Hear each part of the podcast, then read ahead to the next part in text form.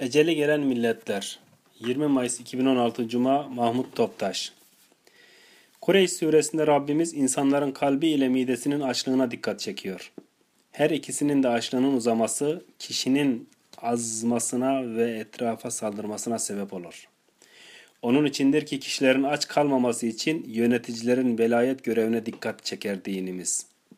Hazreti Ömer döneminde açlıktan deveye deve çalıp çocuklarını doyuran adama Hazreti Ömer had cezasını uygulamamış ve onu çalıştırdığı halde ücretini ödemeyene deveyi tazmin ettirmiştir.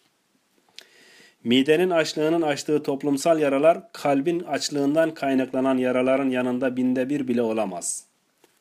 Hitler'in öldürdüğü milyonlarca insanın arkasında insan inkarcılığın etkisi vardır. İsrail'in katliamlarının arkasında aynı inkar vardır.'' Orta Doğu'da akan kan, inkarın gönülde açtığı yaranın eseridir. Tarihte Nuh kavminin Ad, Semud, Lut kavimlerinin ve Firavun ve ordusunun helaki kalbin açlığından kaynaklanmaktadır.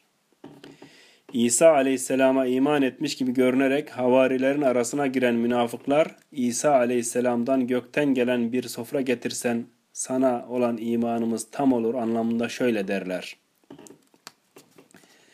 kalplerimizin kanaat getirmesini senin bize doğru söylediğini bilmek ve onu sofrayı görenlerden olmak için gökten inen sofradan yemek istiyoruz dediler. Maide suresi ayet 113.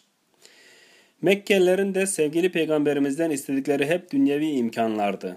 Kara bulutlar güneşin önünü kapatınca köpekler kemik yağacak derlermiş. Çiftçi de yağmur yağacak dermiş. Dervişin fikri neyse zikri de o olurmuş.'' 100 yıllık ifsat çalışmasıyla İslam aleminde Müslümanları hem mide açlığına hem kalp açlığına mahkum edenler şimdilerde yaptıklarının cezasını çekmeye başladılar. Kaybedecek bir şey olmayanın karşısında duracak hiçbir güç yoktur.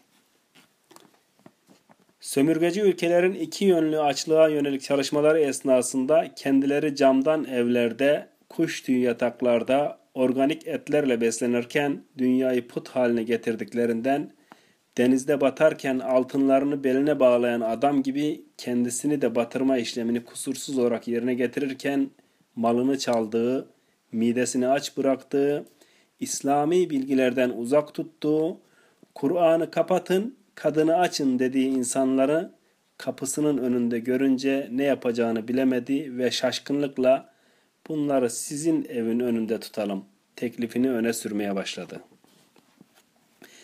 Rabbimiz milletlerin de eceli olduğunu haber verir.